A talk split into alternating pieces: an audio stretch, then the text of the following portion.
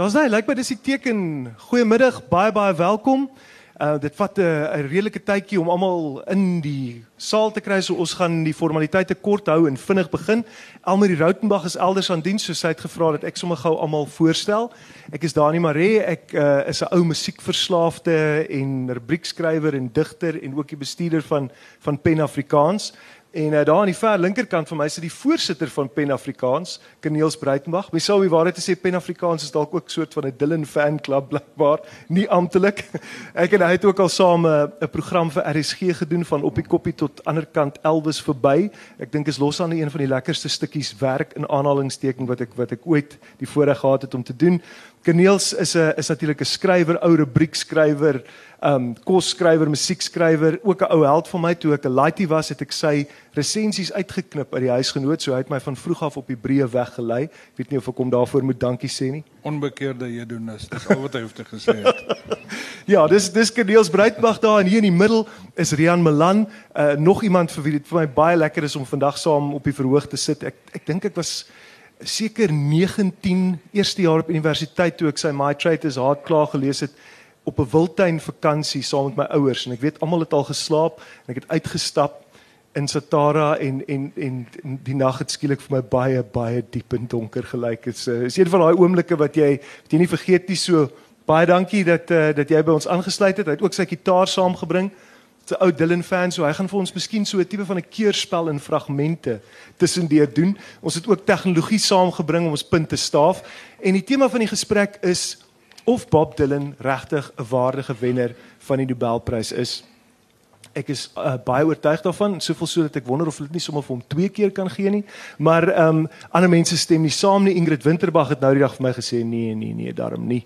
Uh Joan Hambidge in die koerant geskryf dat uh, Marie miskien nie die kanon heeltemal verstaan nie. So ons ons gaan probeer om al hierdie aan al hierdie dinge aandag te gee, maar ek dink 'n goeie plek om te begin is wat die Nobelpryskomitee gesê het. Maar wag, voor ek dit doen, moet ek dan net ook sê, party van julle het waarskynlik ook vir Anton Goosen nie verwag. Nou, Anton Goosen moes ongelukkig vanweë persoonlike redes ehm um, kanselleer. Ehm um, ek kan wel sê dat Anton Goosen in 'n vis in die bos in daai serie is daar 'n liedjie 'n Tom's Trading Store waar hy sê moet nooit 'n ou staan en vertrou wat nie van ou Bob Dylan hou. So ek neem aan julle julle vermoed waar Anton Goosen staan. Hy het ook 'n lang program vir RSG oor Bob Dylan ehm um, opgeneem wat hopelik nog gaan gebeur en hy het ook aan Kerneel se paar boodskapies oorgedra. So hy hy gaan hier in gees wees en en en ook met 'n paar woorde. Maar goed, kom ons begin Uh ek dink baie baie mense was geskok in die eerste plek oor die vraag of dit dan nou letterkunde is as dit hier gaan in die eerste plek oor die liriekkuns of eintlik die populêre liedjie. Maar die Nobelprys het vir Dylan die prys toegeken omdat hulle gesê het for having created new poetic expressions within the great American song tradition. So dit gaan oor die poëtiese verruiming van die moontlikhede van die groot Amerikaanse liedjieboek of sangtradisie Ons gaan daaroor praat, maar kom ons gee vir vir Bob Dylan die eerste woord as dit ware nie in die in die in die vlees nie, maar deur die Amerikaanse ambassadeur.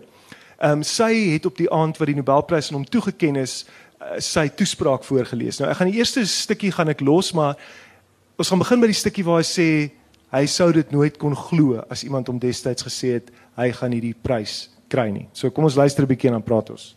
Don't even know it's there. If someone had ever told me that I had the slightest chance of winning the Nobel Prize, I would have to think that I'd have about the same odds as standing on the moon. In fact, during the year I was born, and for a few years late after, there wasn't anyone in the world who was considered good enough to win this Nobel Prize. So I recognize that I'm in very rare company, to say the least. I was out on the road when I received this surprising news, and it took me more than a few minutes to properly process it. I began to think about William Shakespeare, the great literary figure. I would reckon he thought of himself as a dramatist. The thought that he was writing literature couldn't have entered his head his words were written for the stage, meant to be spoken, not read. When he was writing Hamlet, I'm sure he was thinking about a lot of different things. Who are the right actors for these roles? How should this be staged? Do I really want to set this in Denmark? His creative vision and ambitions were no doubt at the forefront of his mind, but there were also more mundane matters to consider and deal with. Is the financing in place? Are there enough good seats for my patrons? Where am I going to get a human skull? I would bet that the farthest thing from Shakespeare's mind was the question Is this literature? Ek dink daar is 'n goeie plek om om 'n pause te maak. Ons moet nie die hele aand video kyk of die hele middag nie.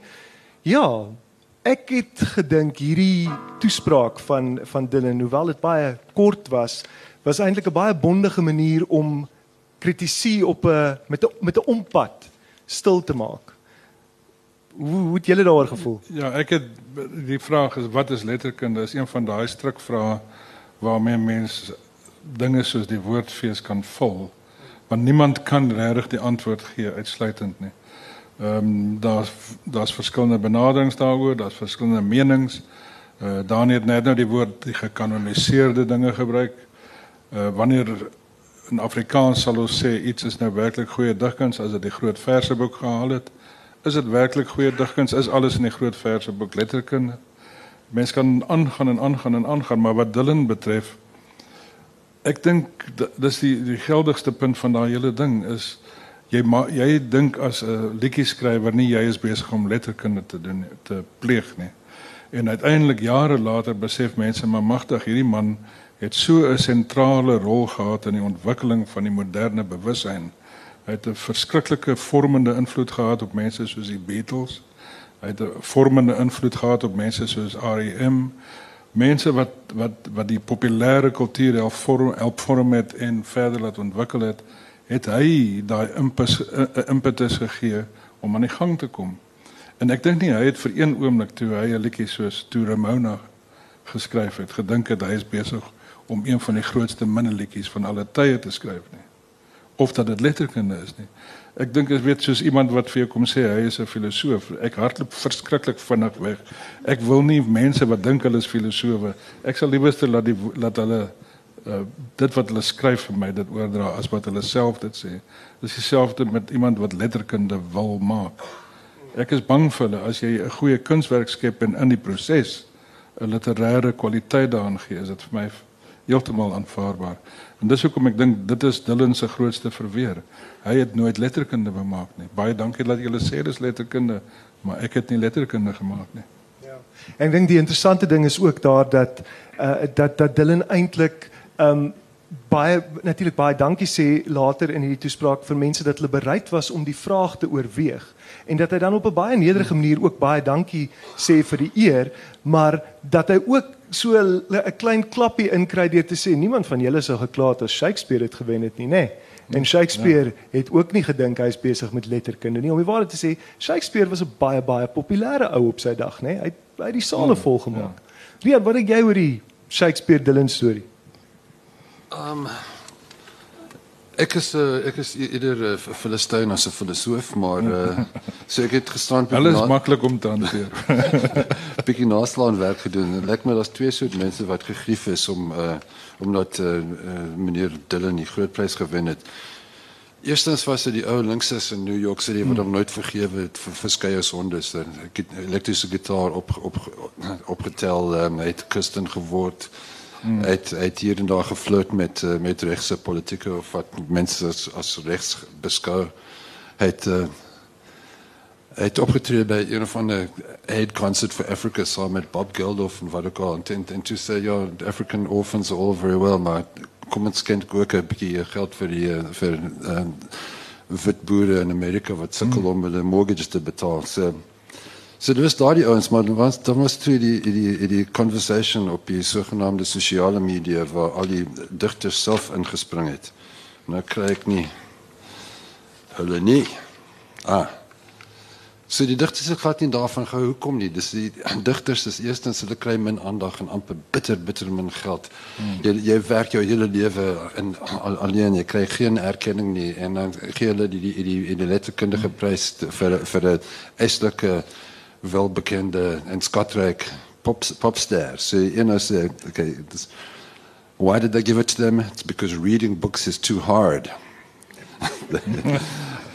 um, I simply cannot write a better joke than this. Um, but the one I really liked, you know what really needs to be celebrated in our culture right now? Massively popular music. So, so ek dink dit daar's 'n so 'n bietjie van afsydigheid. Ek kan sien dat dit miskien ja. hulle kele gesit het, maar wat my betref, uh, van die eerste keer wat ek dit gehoor het, was hy vir my eislike held en beslis in die in die in die in dieselfde vlak van mensdom as uh, Shakespeare en Baudelaire. Kyk, dis dit is wat wat Christopher Ricks is 'n is 'n literêre professor wat al jare lank, dekades lank uh, Dylan se lof besing en sê hy's in dieselfde klas as Yeats, Tennyson, Shakespeare ongetwyfeld, maar hy sê dit is ook problematies om Dylan net as 'n digter te probeer lees want 'n mens moet besef dat sy woorde geskryf is om te sing, dat hy speel met die ritme, dat hy speel met die frasering. Maar die ander ding wat wat Ricks dan byvoeg is hy sê wel William Wordsworth het gesê 'n groot kunstenaar skep die smaak waar volgens sy werk beoordeel sal word. En ek dink dit geld by uitstek vir Bob Dylan. Mense kan eintlik so ver gaan om te sê hoeveel ander Nobelpryswenners het regtig tot dieselfde mate die ruimte geskep waar binne ander monumentale figure daarna begin skep het.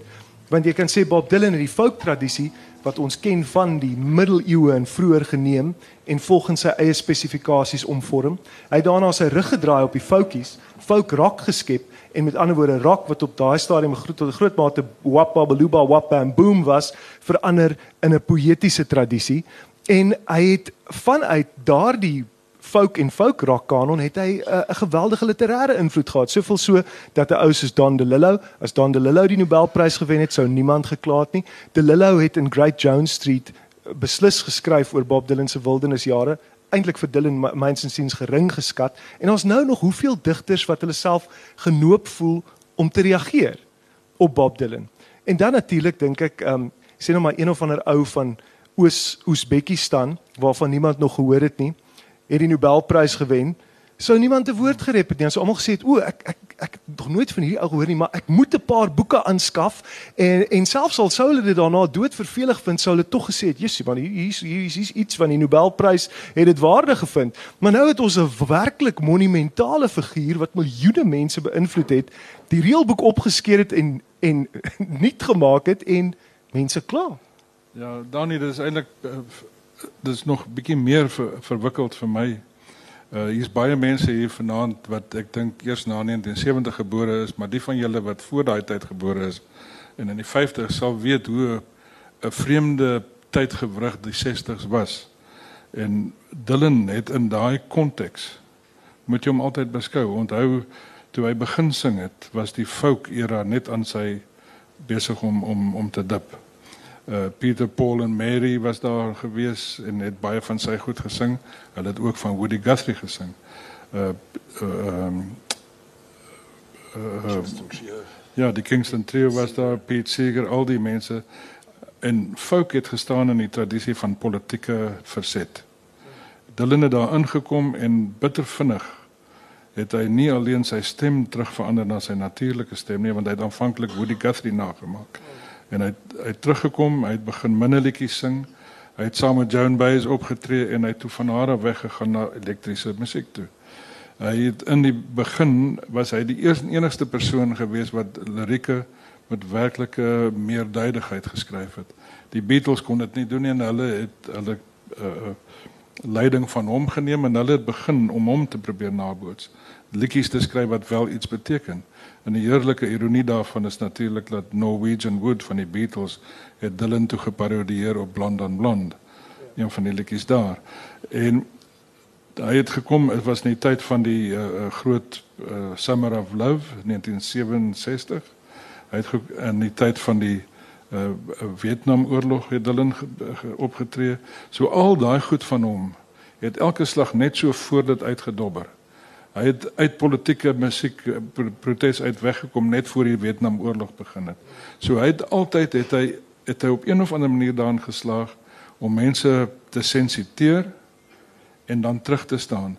En sy musiek het nie net in Amerika invloed gehad nie, het in Brittanje invloed gehad in die hele Europa, al die Skandinawiese lande, Afrika, hier by ons in Australië, Nieu-Seeland het 'n invloed gehad om mense anders te laat kyk na hulle tydsgewig en dit is eintlik die belangrike ding. In 'n tyd wat popmusiek geweldig lighartig en ligsinnig was, was hy die ou wat mense laat dink het. Hy is die eerste persoon waarvan ek weet wat 'n haatliedjie geskryf het, Positively Fourth Street. Miskien wil Jan vir ons iets daarvan sing. Maar dit Reen het juist genoem hy's baie erg oor daai een. Dit is dit is een van die wonderlikste liedjies wat jy kry, maar dit dit kan al daai gevoelens wat jy oor jou onderwysers gehad het in die 60s, het dit perfek vasgevang. Rian, word jy nie ja. You got a lot of nerve to say you are my friend when I was down. You just stood there grinning. Ja. The kind of words. When you see me on the street, you always act surprised. You say hello, how are you? Good luck. But you don't mean it. When you know as well as me, you'd rather see me paralyzed. So why don't you just come out once and scream it? En en net toe die mense en net toe die mense verwag het dat hy gaan nou in daai rigting ingaan, kom hy met iets soos I'll be your baby tonight op sy volgende plaat. Wil jy I'll be your baby tonight. Ja. Shut the light, shut the shade. You don't have to be afraid. Cause I, I'll be your baby tonight. Dit is wat Dylan, dis die dis die spektrum waarmee ons dit doen het. Van skerp, neidige haat tot absolute sublieme liefdesgedig. En natuurlik as jy vir Dylan self gaan vra, is jy 'n profeet, dan gaan hy weghardloop. Maar ja, skus Rian, jy wil nog sê. Ek is ek as kind, I mean dit vir my ek het hoofsaaklik belangstel in musiek wat my pa se omkrap, musiek haarstyle en houdings wat ja. my pa se grief en sê ek gaan jou wurg. Maar Bob ja. Dylan was baie goed in daardie verband. So in staan dit 6 of staan dit 7 was ek diep geneig oor Bob Dylan is 'n protestsanger. Ja. Hy gaan ook dis ek is so ons met stryd en vir bevryding en en wat ook al 40 jaar daarna lees ek sy boek Chronicles. Dan verduidelik hy vir, vir homself hy sê ses maande voor hy New York toe getrek het, was hy die polit politician vir wie hy, hy bewonder het was Barry Goldwater. Barry Goldwater is amper so regs soos Trump. Ja, ja. En, en volgens sy eie woorde was was was sy sy sy gunsteling sanger Frank Sinatra geweest. Maar toe kom hy, kom ons wys. So was een van Patti Smith nou by, so nee, wat een? Die, die een van uh, van uh, Bertolt Brecht en die kommuniste wat Dis dit is 'n baie goeie uh, baie goeie tyd om om vir Brecht te wys. Ehm um, ons gaan nou 'n stukkie speel ehm um, van wat kom uit die uit die Dreigroschen oper, die Three Penny Opera van van Brecht en Weil en in sy autobiografie beskryf uh, Dylan dat sy destyds 'n meisie Suze Rotolo, jy kan haar sien op die omslag van The Freewheelin' Bob Dylan het sy gewerk by 'n teater en hierso sien hy die eerste keer vir vir Brecht en en Weil in aksie en hy sê voorheen het hy alles wat hy nodig gehad het kon kry uit 'n ou folkliedjie soos van Woody Guthrie maar skielik het sy my little shack in the cosmos was about to explode. En hy sê hierdie liedjies was soos it it was like folk songs but from a different gallon in a in a different backyard. So um, hy sê hy het letterlik nadat hy die eerste keer hierdie goed gesien het, het hy by die huis die liedjie uitmekaar probeer haal om uit te werk wat dit sy enorme krag gee en hoe dit werk. So kom ons luister na na um, ja, na Brechten Wild. Dis Lotte Lenya wat sing en sy was um, O, oh, waar sien ons hom nou? Hy moet seker hier verskyn hy daar, daar's hy. Meine Herren, heute sehen Sie mich gläsern abwaschen und ich mache das Bett für jeden. Und Sie geben mir eine Penny und ich bedanke mich schnell und Sie sehen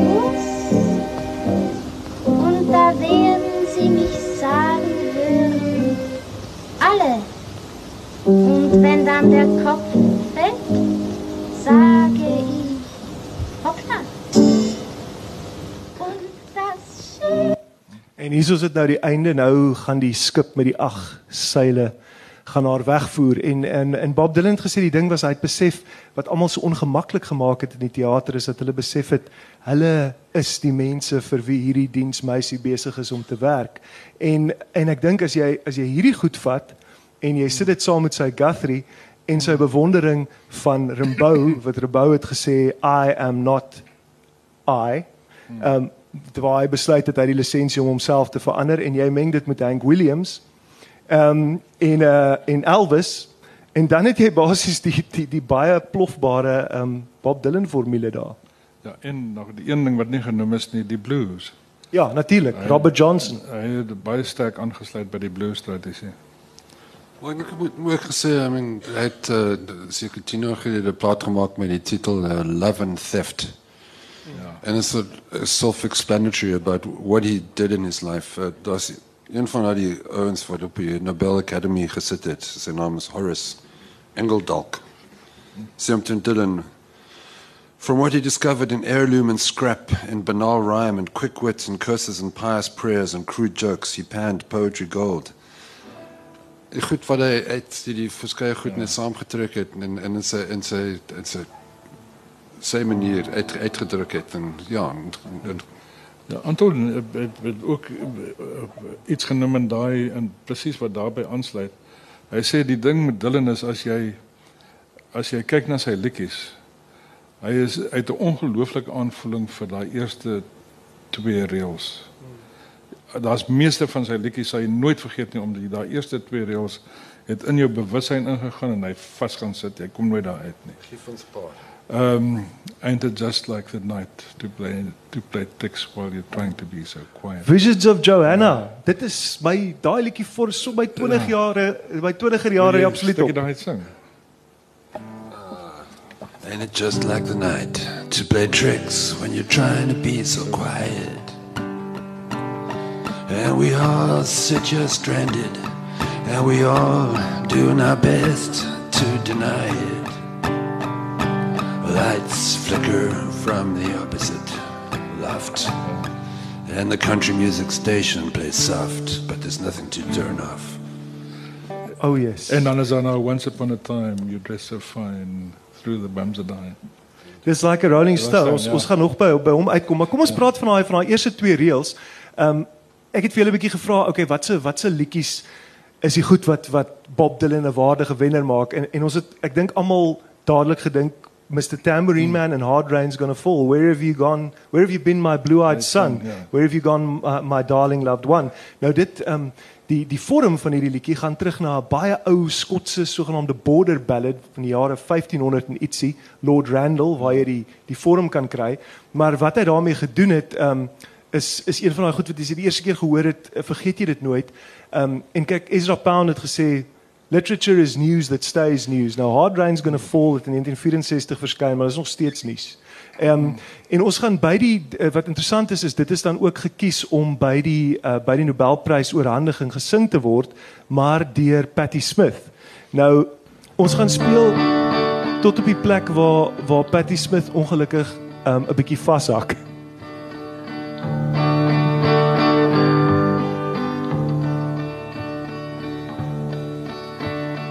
Where you been, my blue-eyed son? Where have you been, my darling young one? I've stumbled alongside of twelve misty mountains. I've walked and I've crawled down six crooked highways. I've stepped in the middle of seven sad forests. Been out in front of a dozen dead oceans. Been 10,000 miles on the mouth of a graveyard. It's a hard, it's a hard, it's a hard, it's a hard, it's a hard rain's gonna fall. What did you see, my blue eyed son? What did you see, my darling young one?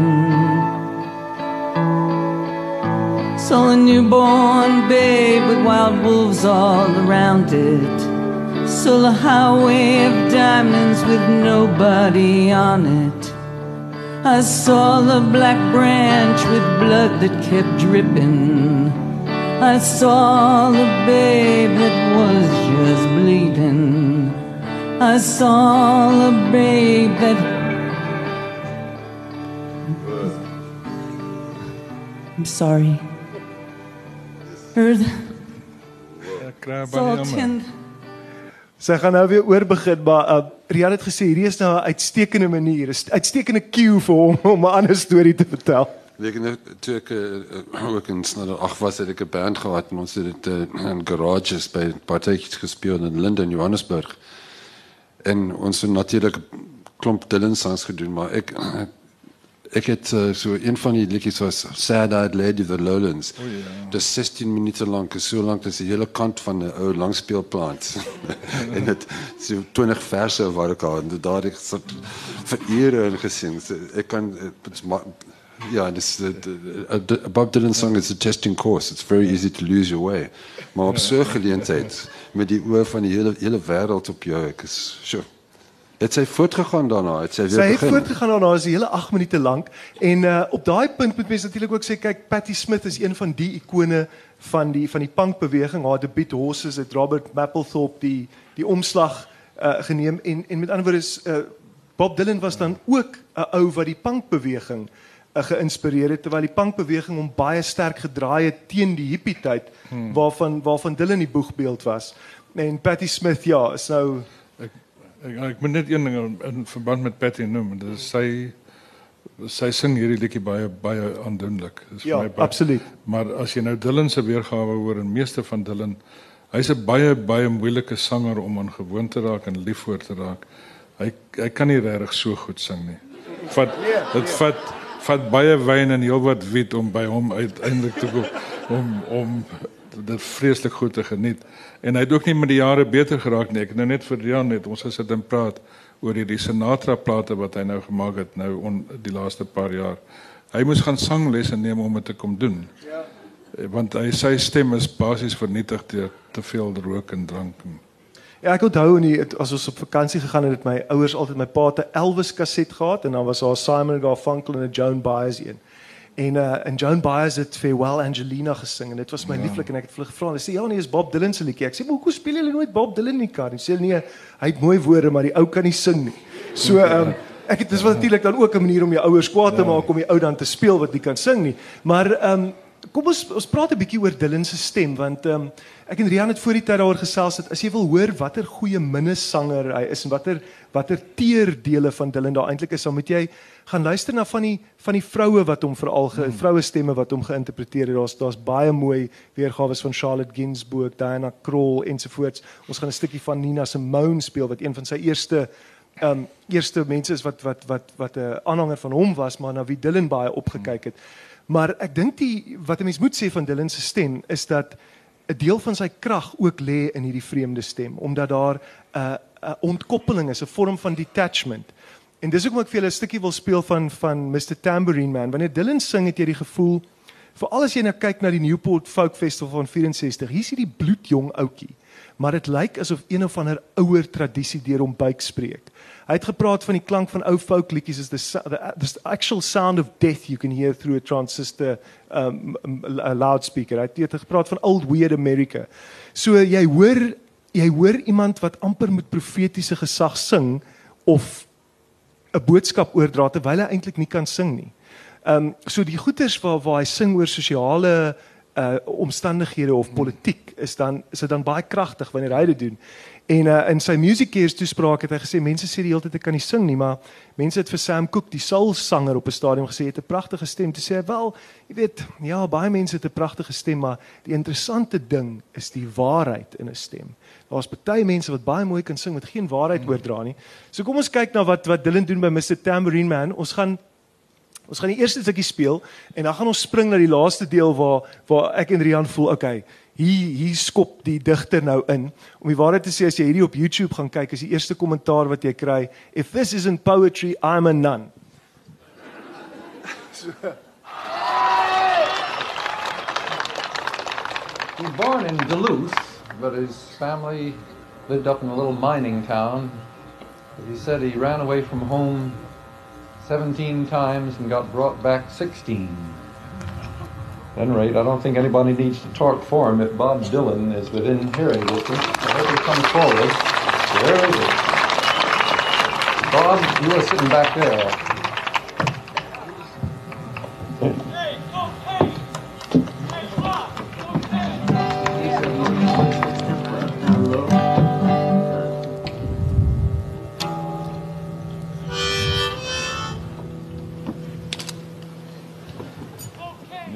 Yes, yes.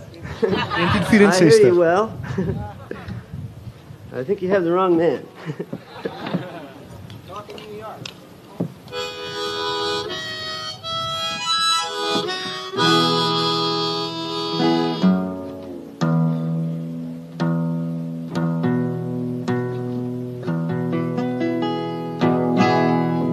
This is called Hey, Mr. Tambourine Man.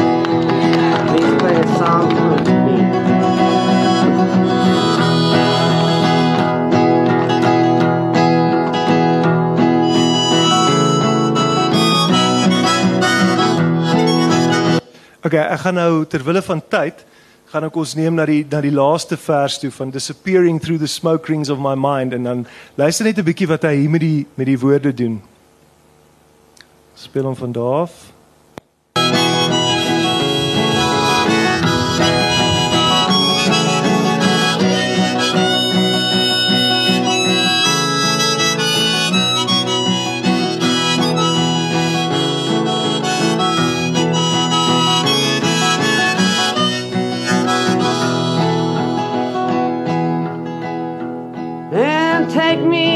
Disappearing through the smoke rings of my mind, down the foggy ruins of time, far past the frozen leaves, the haunted, frightened trees, out to the windy beach, far from the twisted reach of crazy sorrow.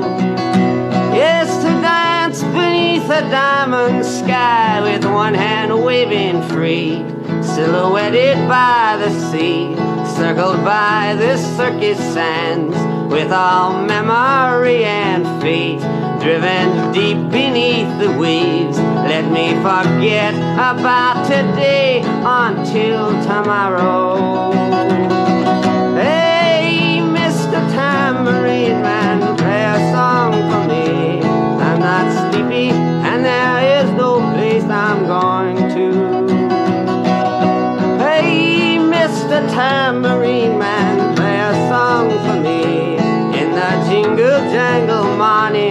come following you.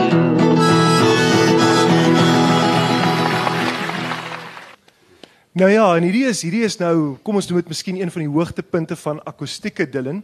'n Jaar later het hy na dieselfde fees toe teruggekeer en ehm um, hy het net die eerste liedjie akoesties gespeel. Piet Seeger is die ou wat dan daar daar ge- geïntroduceer het. Dis reg. Piet Seeger is die ou kommunis wat hom wat hom daar bekend gestel het. Die volgende jaar het Piet Seeger met 'n byl probeer om sy elektriese kabel uh, 'n stuk in te slaan omdat hy gevoel het dat Dylan nou die ou foutjies en die beweging verraai het Mense kan die kommuniste ook glad nie vertrou. nie. nee. Bob Dylan het niemand vertrou nie. So dis net so met ander woorde wat daar gebeur het is 'n is 'n baie interessante transformasie. As jy verder daaraan belangstel, ehm um, die fliek No Direction Home van uh, Martin Scorsese gaan twee keer wys later in die week en dit gaan presies oor daai oorgang en hoe mense letterlik mense het na Dylan konserte toe gekom daarna om hom te boe en om en om te gooi met goed. Ehm um, so ek dink dis miskien dalk net die plek waar ons 'n stukkie vir daai Like a Rolling Stone stukkie moet wys. Dit is um, ek gaan nou vir kyk uh, Keneels het vir my gesê jy weet die probleem met Like a Rolling Stone is jy moet hierdie ding baie hard speel op 'n baie goeie klankstelsel. Jy jy weet jy moet regtig ehm um, dis amper moeilik om die impak te verstaan as jy dit nie doen nie.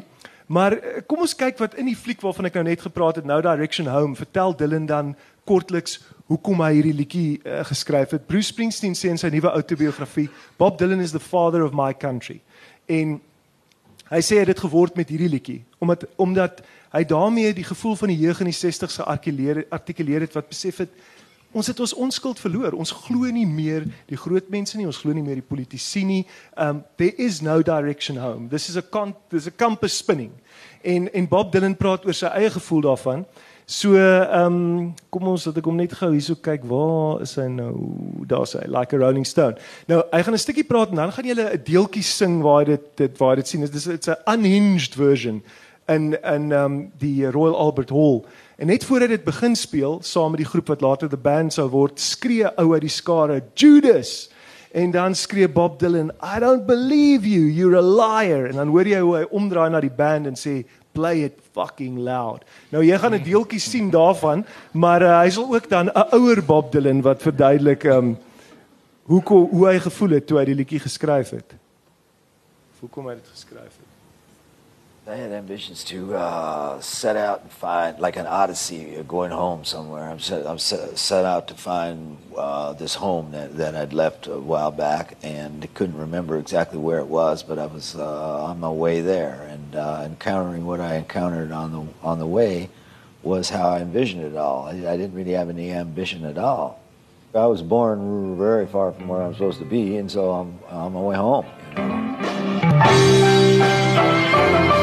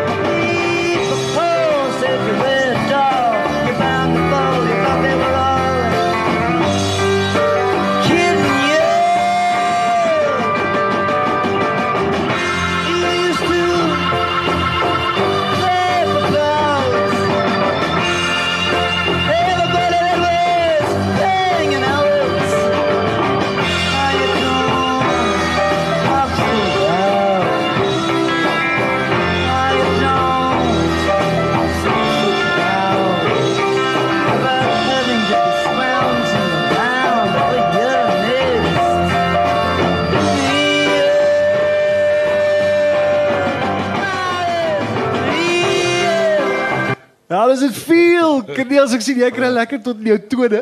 Ja, nee, dit is wonderlik. Julle ken sekerlik die plaat Highway 61 Revisited waarvan dit die eerste snit is. Die laaste snit aan daai op daai plaat is Desolation Row wat waarskynlik sy heel groot komposisie is van wat my betref. En dit is een van die beste langspeelplate. Hy was baie lank het hulle dit beskou as na Sgt Pepper's die beste plaat wat gemaak is nog. Ag, dis beter as Sergeant. Ek dink ook so. Baie, baie Sergeant- of entertainment. Ja, ja. Jy weet uh, uh, Dylan self het gesê Sergeant Peppers is very indulgent. so hy het nie veel daarvan gedink nie, maar wat vir baie interessant is van Like a Rolling Stone is is ek dink dit is moeilik om dis is dis is soms dit groot films so sê nou maar Psycho of Citizen Kane of wat ook al is baie Hmm. moeilik om nou te besef watter absolute skeur in in populêre kultuur hierdie liedjie was. John Hyatt, die sanger liedjieskrywer sê hy het in Indiana in 'n klein dorpie groot geword en hierdie liedjie kom op die radio. Hy sit en wag vir sy ma. Toe sy ma uit die winkel kom, kan hy nie glo sy het hom nog herken nie want hy was 'n ander mens nadat hy hierdie liedjie gehoor het. Ehm um, en en en dit was daai soort van gevoel waar mense het nie nie hierdie vorm van van bitter rou eerlike hatige uitdrukking uh oor die oor die radio geken. Die radio was beleefd. Dit was things were swell and hardly dokely uh, oakley dokely neighbor, jy weet. Um en en en Dylan het gesê van hierdie liedjie It started out as a long rhythm thing on paper all about my hatred directed somewhere that was honest. En op die ou end het dit het dit het dit to like a Rolling Stone geword. En um mense kon letterlik nie glo jy kan hierdie ding op die radio hoor nie. Wel die interessante ding van daai plaat is vir my dat as jy as jy baie eerlik wil wees oor die musiek, gaan dit oor die passie waarmee dit gespeel word en nie die vorm wat dit het nie. Dis regtig niks besonders as musiek nie. Die enigste een wat wel iets heel interessants het is Desolation Row omdat dit weer 'n akoestiese uh, liedjie is.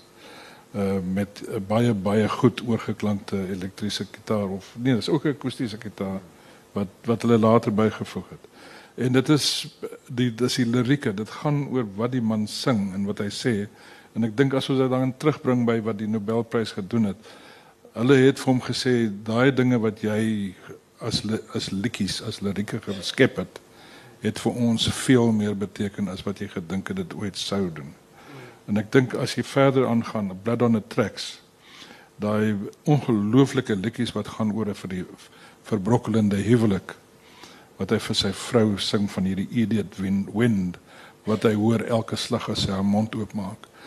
Dit is 'n ongelooflike spektrum van gevoelens in een liedjie daai. Ek weet nie of jy Ja, ek Rian, ons het ons bietjie daar in die agterplaas aan Idiot Wind gewerk of wil jy 'n stukkie daarvan Idiot wind. ja.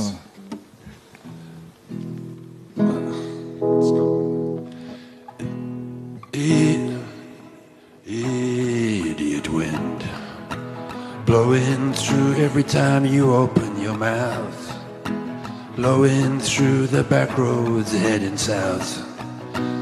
Oh, idiot wind blowing every time you move your feet. You're an idiot, babe. It's a wonder that you still know how to breathe. En dit is Ja, dit o, is vir vir- die vrou wat besig is om van hom te skei en wat sy kinders gaan grootmaak. Dis 'n is 'n verstommende en natuurlik die ander liedjies op daai plaat waar hy eintlik bietjie meer versoenend is en en ook probeer sê maar eintlik het ek jou nog besonder lief. Ons kan net nie saam oor die weg kom nie. Ja, wel ek dink um, ek ek hoop ons het ons het tot dusver reeds 'n redelike goeie saak gemaak oor wat wat Bob Dylan besonders maak. Maar miskien moet ons ek het so 'n bietjie voor die tyd op Facebook gesien. Ek dink 'n 'n paar mense uh, ook ek en jy het al by 'n leeskring gesels. Baie mense vra hoekom dan nie eerder Leonard Cohen nie. Ek dink mense is liewer vir hom. Ek dink is ook makliker om lief te wees vir Leonard Cohen op 'n manier as Bob Dylan. Ehm um, of Paul Simon. Nou nou Paul Simon het gesê toe al die retrospektiewe oor die 60s begin inkom, het hy die hele tyd tweede gekom en hy hou nie daarvan om tweede te kom nie. Soveel so sê hy dat hy 'n sielkundige gaan sien het. En by die sielkundige het hy tot die slotsom gekom. Hy sê wel die rede hoekom ek verloor teen Bob Dylan is ek klink altyd na Paul Simon wanneer ek sing. Jy weet ek ek ek kan dit nie daarvan wegkom nie. Ek klink na ek klink eerlik. Terwyl hy sê dit lyk klink altyd asof Bob Dylan vir jou twee of drie goed beslag probeer sê. Jy weet nooit wat hy regtig vir jou wil sê nie, maar as hy sê good morning, beteken dit waarskynlik iets anders. So daar's 'n 'n twee snydende ironie aan alles Nou- wat dit wat Dylan doen, maar ja, Maar ek man dis vir my eintlik 'n half irriterende kwessie wat hulle elke slag met Leonard Cohen uh, vorentoe kom. Vir my hoef die een nie die ander uit te sluit nie. Hulle kan volgende keer vir Leonard Cohen die prys gee wat my betref. Daar Jy moet lewendig wees. Moet jy Ja. Jy moet lewendig oor wees. dit kan nie postuum wees nie. Dit is baie jammer dan ja. Wel kyk, uh, kom ons neem die geval van Leonard Cohen vir wie ek ook bitter lief is. Ehm um, Cohen het natuurlik sy lewe probeer maak as skrywer en digter. En uh, 'n mens sou 'n sterk saak daarvoor kon uitmaak dat hy nie die kitaar sou optel as dit nie was hmm. vir Bob Dylan nie. Hy het, hy het letterlik probeer om 'n bestaan te maak en en het toe begin sing in 1967 gesê hy debuut Dylan se debuut is wat 63 of 62. Ehm um, ja. en Leonard Cohen het self toe die Nobelprys aan Dylan oorhandig is het hy gesê, "Well, that's like uh, putting a a, a, a, a sign on on uh, Mount Everest to say it's the highest mountain." Jy ja. weet hy het so gesê, "Wel, dis vir hom duidelik dat dat Bob Dylan die hoogste berg is." En hy het ook gesê Bob Dylan is vir hom soos Picasso en hy's miskien soos Matisse en hy sê hmm. I love Matisse, but I'm in awe of Picasso. Ja. Jy weet, dis wat die, wat Cohen self sê. 'n Interessante anekdote wat vertel word, Cohen self vertel het is dat hy en Dylan het heel dikwels ontmoet en vir koffie of etes en gaan. En hulle sit eendag en praat en en hy sê toe vir Dylan hy het hou verskriklik baie van 'n sekere liedjie wat op een van sy latere plate is. En uh, hoe lank het dit vir Dylan geneem om die ding te skryf? Toe sê hy wel ek het agter 'n taxi geskryf op pad iewers heen, was sommer vinnig kwartier of so. En uh, hy sê toe maar daai haleluja liedjie van jou is vir my weer so mooi, sê Dylan vir hom. Uh hoe lank het dit jou geneem? Hy sê toe 5 jaar en Dylan wou hom nie glo nie. Wel, hy het natuurlik in daai selfde gesprek het Dylan glo vir hom gesê, jy weet baie mense sê uh jy weet ek is nommer 1 uh en jy is nommer 2 of miskien daai ander ou, maar hy verwys duidelik na Paul Simon en sê maar wat my betref is jy nommer 1 en ek nommer 0. So ja, kyk wat ook interessant is, daar's nou 'n Paul Simon biografie wat pas verskyn het. Desmond Painter gaan dit nou binnekort resenseer. Ja, so ons het baie daaroor gepraat. O, is dit gister ja, verskyn? Ja. En en die een van die goed wat Desmond dan sê is dat eh, of of wat wat Desmond my vertel het van die ja. biografie is dat Paul Simon van die begin af verskriklik afgunstig was oor Bob Dylan. Soveel so dat hy in konserte klein parodieë gedoen het. Hy sou ja. sou 'n Dylan liedjie begin speel en 'n snaakse stem speel en hou hy sommer weer op en dan dan sê hy, "Wel, jou is simpel" en dan dan gaan hy aan terwyl Bob Dylan net 'n vet ignore gekap het. Ja, ja. Hy het gemaak of Paul Simon nie bestaan. Ja, daar baie mense het liedjies oor Dylan geskryf. David Bowie onder meer. Sid Barrett van Pink Floyd het voor dit Pink Floyd begin het, het hy al 'n liedjie geskryf oor Dylan wat hy hom basies opgehemel het en ook maar nageboot het. Ja. Hmm. Ja, ek het Brian, skus jy. Dalk is daar 'n uh, filosoof hier wat wil stry met ons uh, Ja, ons het ons ja, dit ons wie stem nie saam nie. Ons is 'n juigkommando hier, so ons soek men, iemand wat wat nie met ons saamstem nie. Julle is baie welkom. Ons het min tyd oor, so is daar iets wat jy nog nog altyd gebrand het om te vra oor oor Dylan? Forever Young. Ja, dis dis dis pragtig. Ons het ongelukkig nie hier nie, maar miskien kan Rian Melanda iets onthou. Nee, dis dis te hoog vir my. Ek ek kan werklik nie sien nie. For nee, Sorry, dis Ja, so so iets met minder van 'n melodie moet neem. ja, uh, dit is um, Is daar enigiemand hier wat wat wel sou wou voel maar iemand anders moet 'n kans kry eerder as as Dylan? Kyk wat my betref, ehm um, gaan hulle waarskynlik nie vir 'n sanger liedjie skrywer weer hierdie prys gee in 'n baie baie lang tyd nie. Maar ek dink dit is belangrik om die kunsvorm te huldig. Jy weet daai een digter wat jy genoem het het gekla maar jy weet, ons almal weet klaar van Bob Dylan, maar eers op hierdie oomblik sit 'n romantiese siel met 'n kitaar en vroeg en en ek dink vir daardie daardie siele, miljoene siele reg oor die wêreld is hierdie uitstekende aanmoediging. Danie, maar die ek wil net een net verdere konteks gee aan die aan die gesprek. Die ding met die Nobelprys is dit word nie sommer net gegee nie. Dis nie drie ouens wat heel toevallig een aand in 'n kamer bymekaar kom en besluit hulle okay.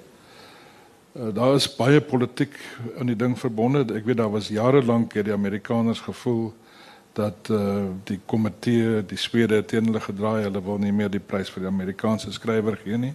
Dis hoekom mense so Don DeLillo en uh taamlik afgehaal voel oor die hele ding. Maar aan die ander kant weet ek ook ons ek was jare gelede betrokke by 'n poging om vir Bruiten die Nobelprys te laat kry. En 'n mens skryf inderdaad in, jy skryf iemand in, jy stel hom voor. En wat jy moet doen is daar's 'n hele stel reëls wat hulle vir jou stuur wat jy met kommendasie skryf van verskillende mense en jy moet uh, getuigskrifte kry, jy moet akademiese besprekings kry oor die persoon waarna daar uh, bevestig word dat hy van hoogstaande gehalte is. So die hele ding met Dylan is vir my De baie mense dink dit het sommer net lekraak gebeur. Dit het nie. Daar was 'n hele proses by en daar moes mense gewees het wat hom voorgestel het wat 'n baie goeie saak uitgemaak het vir hom om te wen. Ek kan nie dink dat dit anders sou wees nie. En die feit dat hy uiteindelik gekry het, dink ek is 'n uh, 'n uh, teken dat daar in daai hele proses het die mense begin voel jy moet ook populêre kultuur op 'n manier akkommodeer binne hierdie konteks van hogere prestasie. En kyk, ehm um, die die vorige jaar het die Nobelprys gegaan aan 'n joernalis wat wat ja. oor Chernobyl geskryf het wat wat ek dink ook reeds 'n aanduiding was dat die Nobelpryskomitee gedink het maar wag 'n bietjie ek bedoel joernaliste het 'n geweldige bydrae ja. gelewer en en en hulle is nog nooit vereer nie so ek dink dit was 'n uh, ek ek dink hulle hulle die wêreld te guns gedoen om hieroor na te dink hmm. Dylan het hulle ook in sy toespraak um, bedank dat hulle die vraag oorweeg het en hy het op die hmm. ount ook 'n interessante uh, punt geopper waar hy gesê dis baie moeiliker om vir 'n klein gehoor van 15 of 20 te speel as vir 'n groot stadion. En dan sien jy elke individuele gesig. So mm. hy's hy's baie bly sê dat hy hierdie klein gehoor van die Nobelpryskomitee kon oortuig. Ja. Rian wil jy nog iets? Kan jy sê jy het jy tulips ter ooit tergehoor van die mense in Stockholm? Jy weet so nee, petisie nee, namens nee, Breitman. Nee, wel on, ons poging het skibreek gelei voordat ons daarby kon uitkom. Daar was daar was die, die tyd wat ons gehad het om al daai dinge bymekaar te sit was net eenvoudig te min. Jy moet meer as 'n jaar voor die tyd begin werk aan die hele ding. En ons het letterlik 'n maand of wat gehad en dit was was net te vergeefs. Dis like, maar ek dink dit is om tog, ek het gedog iemand gaan nog weer verbreek en probeer. Ek hoop dat hulle iemand sou dit sal doen. Ja. As ons miskien vir Bob Dylan kan bereik om 'n woord verbreek te doen. Die interessante ding is natuurlik dat min of meer dieselfde tyd begin publiseer en Breiten se die reaksie by die Afrikaanse uh, publiek veral die akademiese publiek was net so negatief geweest as wat dit was op Dylan se verandering na elektries toe. Daar was baie mense wat hom net nie wou aanvaar nie. Ek onthou die geweldige snedige kommentaar wat daar was oor die gebruik van die vrye vers in Esther Queen met Sweet. Terwyl dit al eintlik aanvaarde praktyk was by iemand soos Peter Bloem het Bruiten net daai selfde soort weerstand gekry doodgewoon omdat hy so buite die dun voor van die kanon gestaan het. Ja, ons is Oscar Wilde sê as 'n as 'n as 'n kunswerk geen um, weerstand uitlok nie, is dit waarskynlik vervelig. Kunswerke wat ja, mense ja. polariseer is gewoonlik die interessantste. Ja, ja. Ehm ja, ja. um, ek wil net sê ons het in ons het in, in voorbereiding op die gesprek het ons 'n bietjie gesels oor van ons gunsteling Dylan liedjies en ek het toe 'n hele speellys, jy kan 'n hele maklike playlist op YouTube maak opgestel. Maar as jy op YouTube gaan soek, gaan jy verskriklik lank verdwaal want daar's so baie oor Dylan. Ja. So as enigiemand belangstel in daai skakel, kan jy net vir my skryf, dis net dani.mare@gmail.com en dan stuur ek met liefde vir julle die skakel aan. En ek dink as enigiemand nou nog uh ek wil graag vir jou nog 'n bietjie hoor sing. Ja, kom 'n paar laaste akkoorde. Al is dit net 'n flardetjie.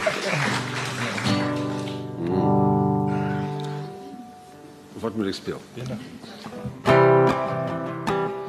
Well, well, well, well, the ragman he draws circles. up and down block. I'd ask him what the matter was, but I know that he don't talk. And the ladies treat me kindly, and they furnish me with haste. But deep inside my heart, I know I can't escape. Oh, oh, oh. Yes, dank. Okay, toe maar. Ek is jare gelede wat ek laas gespeel het. the, the, the refrain, the chorus is, Oh, mama, can it really be the end? To be stuck inside a mobile with the Memphis Blues again. So, dis dalk 'n ja, ja, goeie ja. einde. Dit is. Maar mos dis dis my Patty Smith oomblik. As Patty kan, kan jy ook. Maar ja, wel dit ek is bevrees die tyd is verby, maar maar baie baie dankie dat dat, dat julle gekom het. Ek ek wil sê baie dankie dat julle kom saamgesels het, maar nou het niemand vrae gestel nie.